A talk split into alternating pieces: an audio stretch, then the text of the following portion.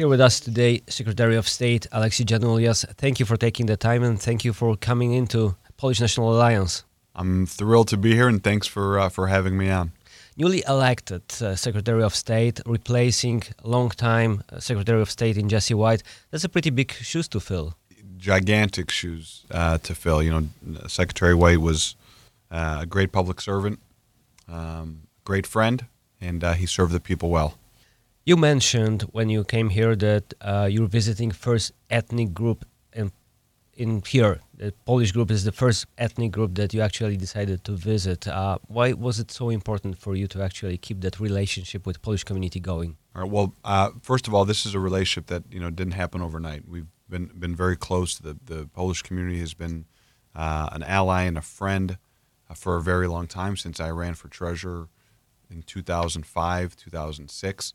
So it's a friendship that uh, has been helpful to me, but also I like to think that I've been there for the community when I was state treasurer, and I look forward to continuing that very, very strong uh, relationship as Secretary of State. There's a lot that there's a lot more that we can be doing for this community, and you know this this community represents the very best of America.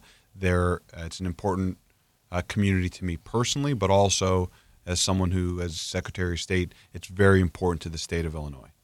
And you also announced forming advisory community, uh, advi- uh, advisory committee. How significant? How important is that?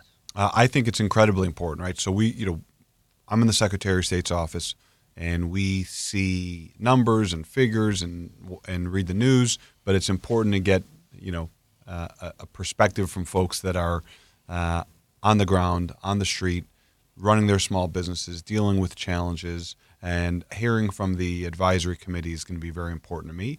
And I think it's a two way street. I'm going to learn a lot um, from this committee, the, the, the, ideas and thoughts and complaints about how we can make the Secretary of State's office better. Uh, and conversely, it'll be an opportunity for us to reach out to the community and talk about some of the initiatives, uh, talk about how we're going to um, modernize the office, make it easier for people to access Secretary of State services, reduce the, the, the wait times at our uh, DMVs, uh, fix our library system. So it, it's a two way street. President Spula, in his remarks, mentioned that Polish community has always been neglected. Uh, did you feel the same? Uh, do you share this feeling? Um, I think there are a lot of communities that have been neglected, and I think, yeah, for, for again, for, for the contributions that the, the, Polish American community has made to our city and state, I do th- feel that way. I don't, I don't think that they have the rep- representation they deserve um, the attention they deserve. It's a community that adds a lot uh, to our state. As I mentioned in my remarks, there there are a few harder working communities who contribute vastly, vastly uh, to the culture and to the finances and to the revenue of, of our city. Uh, and that's why I wanted to come here today. It's the first group that I'm meeting with since uh, since uh, getting elected.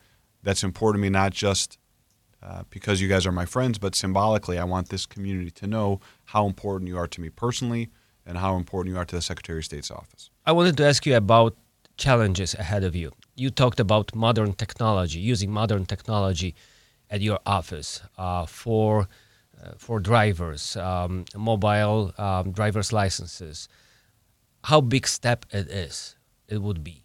Uh, th- there are some enormous steps. Uh, that being said, the world is changing the way people, um, you know, conduct their day-to-day lives is changing. The way we order food, the way we shop. Um, so we want to make sure that we allow people the opportunity to to grow with the times. So it's not just about digital IDs and digital driver's license.